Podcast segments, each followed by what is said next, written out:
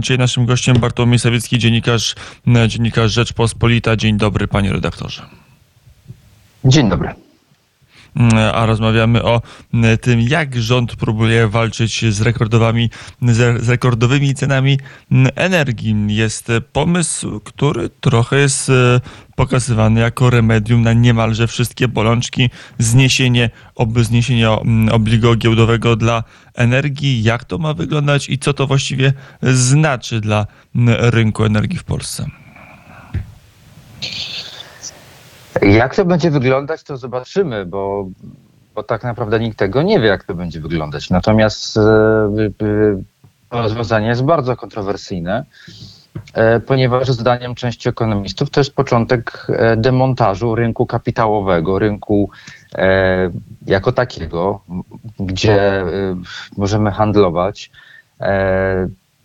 Tym wypadku takim dobrem, jakim jest energia elektryczna, E, argumentem ma być oczywiście to, że jesteśmy w wyjątkowej sytuacji, mm, jakim jest wojna i kryzys energetyczny, dlatego też takie działania e, wyjątkowe e, są stosowane w wyjątkowej sytuacji.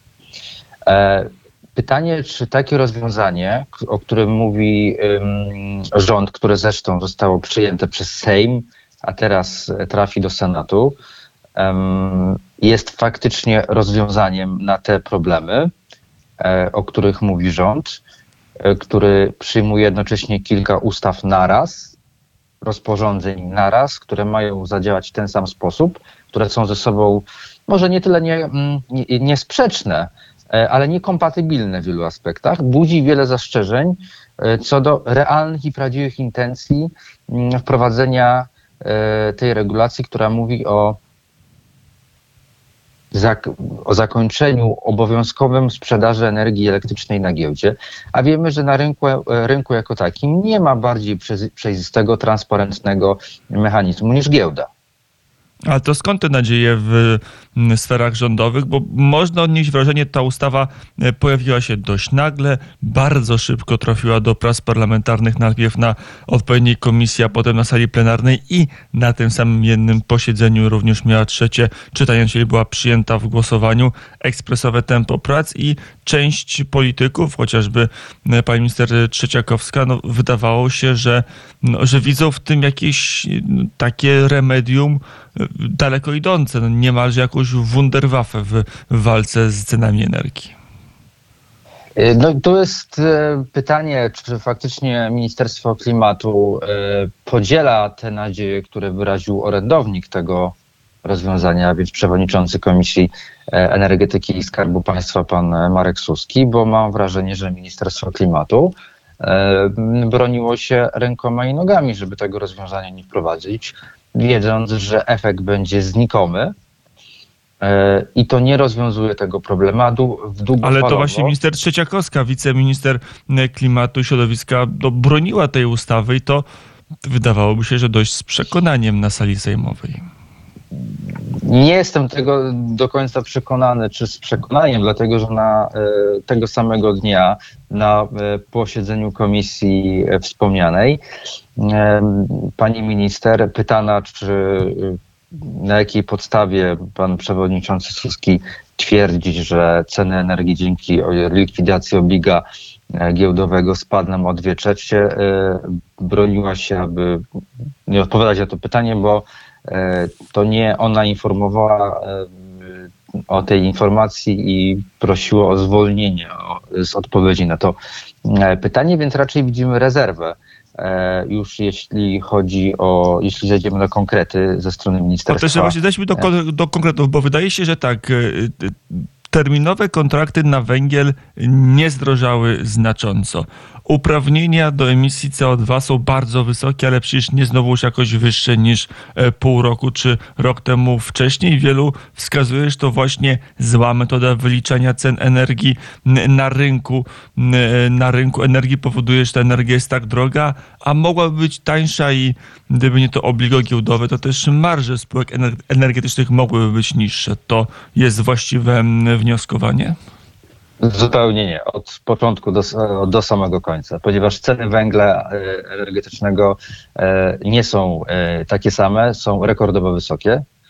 Mm, Musimy pamiętać, że ceny węgla krajowego, my nie znamy tych cen, znamy tylko i wyłącznie odnośniki historyczne, ale jakie ceny będą w przyszłym roku, bo pamiętajmy, że my nie możemy zestawiać energii elektrycznej, nie wiem, z benzyną. Jeśli benzynę y, kupujemy na stacji, to dzisiaj za nią płacimy, dzisiaj ją tankujemy. Energię elektryczną, jeśli kontraktujemy, to kontraktujemy nie na mm, dzisiaj, e, tylko przede wszystkim w kontraktach terminowych na przyszły rok. My nie wiemy, jaka będzie cena, y, i właśnie mówimy o węglu kontraktowanym na przyszły rok, kontraktach terminowych. Te ceny są kilkukrotnie wyższe niżeli e, przed kryzysem e, energetycznym. Jeśli przed kryzysem energetycznym cena węgla ARA kosztowała 50 dolarów, to dzisiaj kosztuje 350. E, A dlaczego mówię o cenach węgla, e, cenach międzynarodowych? Jesteśmy częścią Europ- e, światowego rynku energii elektrycznej, jeś, e, rynku energii jako takiego. E, Mamy oczywiście krajowy węgiel, ale przecież kopalnie też chcą zarabiać. I kopalnie przecież e, to nie jest e, informacja nowa. Przecież wypowiadały z początkiem tego roku umowy e, ciepłownią, elektrownią, nawet we, mm, za cenę kar wypowiadały te umowy, podwyższając ceny, bo wiedząc, co się dzieje na rynkach międzynarodowych, także chciały kopalnie zarobić, więc te ceny podwyższały w kontraktach na ten rok i na przyszły, zwłaszcza na przyszły. Marże spółek elektroenergetycznych to kolejna kwestia. Nie będą, nie są wy, e, jakoś strasznie wysokie w tym roku. One będą rekordowo wysokie, ale w przyszłym. Tak jak mówię, mówimy o, o cenach węgla w dostawie na przyszły rok i energii elektrycznej w dostawach na przyszły rok, nie na ten rok. Bo na ten rok my nie zobaczymy podwyżek w tym roku na swoich rachunkach. Wszystkie informacje, jakie e, docierają do nas z mediów, e, to jest oczywiście pewien, pewien skrót myślowy, tak? ale przecież informacje, które e, do nas spływają od firm, czy od indywidualnych odbiorców, to są prognozy na przyszły rok, a nie na ten rok, tak? Czyli od stycznia. No, chyba, że ktoś ma w inny sposób zapisane w umowie, no, ale generalnie to są kontrakty od, od początku roku, umowy od, od początku roku.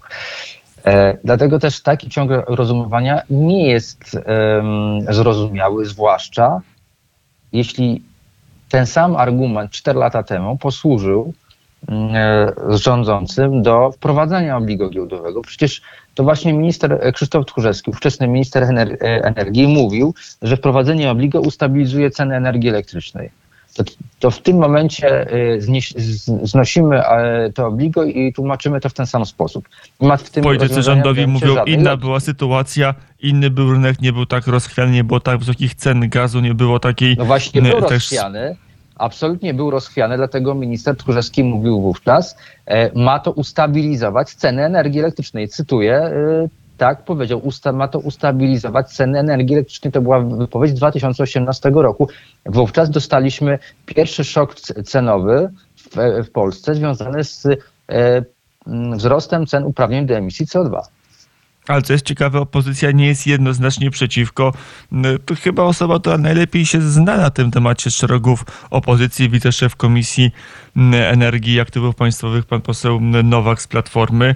No, w zasadzie tego pomysłu nie krytykował, wskazywał na pewne niebezpieczeństwa, ale także podkreślał, że jeżeli rząd tylko powiedziałby uczciwie, że to jest nadzwyczajne działanie w nadzwyczajnej sytuacji, to nie jest gotowy no, de facto to poprzeć, może z zostawieniem tego obliga na pewnym poziomie, chociażby 30%, jak to było przed zmianą, którą prowadził minister Tchórzewski, więc wydaje się, że tutaj to rozwiązanie nie jest tak jednoznacznie przez całą opozycję krytykowane.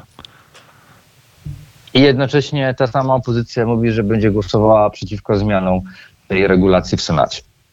E, To jeszcze jeden- Wstrzymałbym się, wstrzymałbym się z e, opiniowaniem tego, co zrobią politycy, bo mm, no, najlepszym przykładem był, y, są jest na przykład, są też wypowiedzi e, wczoraj na przykład z konwencji e, członków lewicy, e, którzy krytykowali rozwiązania dotyczące zamrożenia poziomu e, cen na poziomie 2 MWh, ale jak się okazało, e, głosowali za.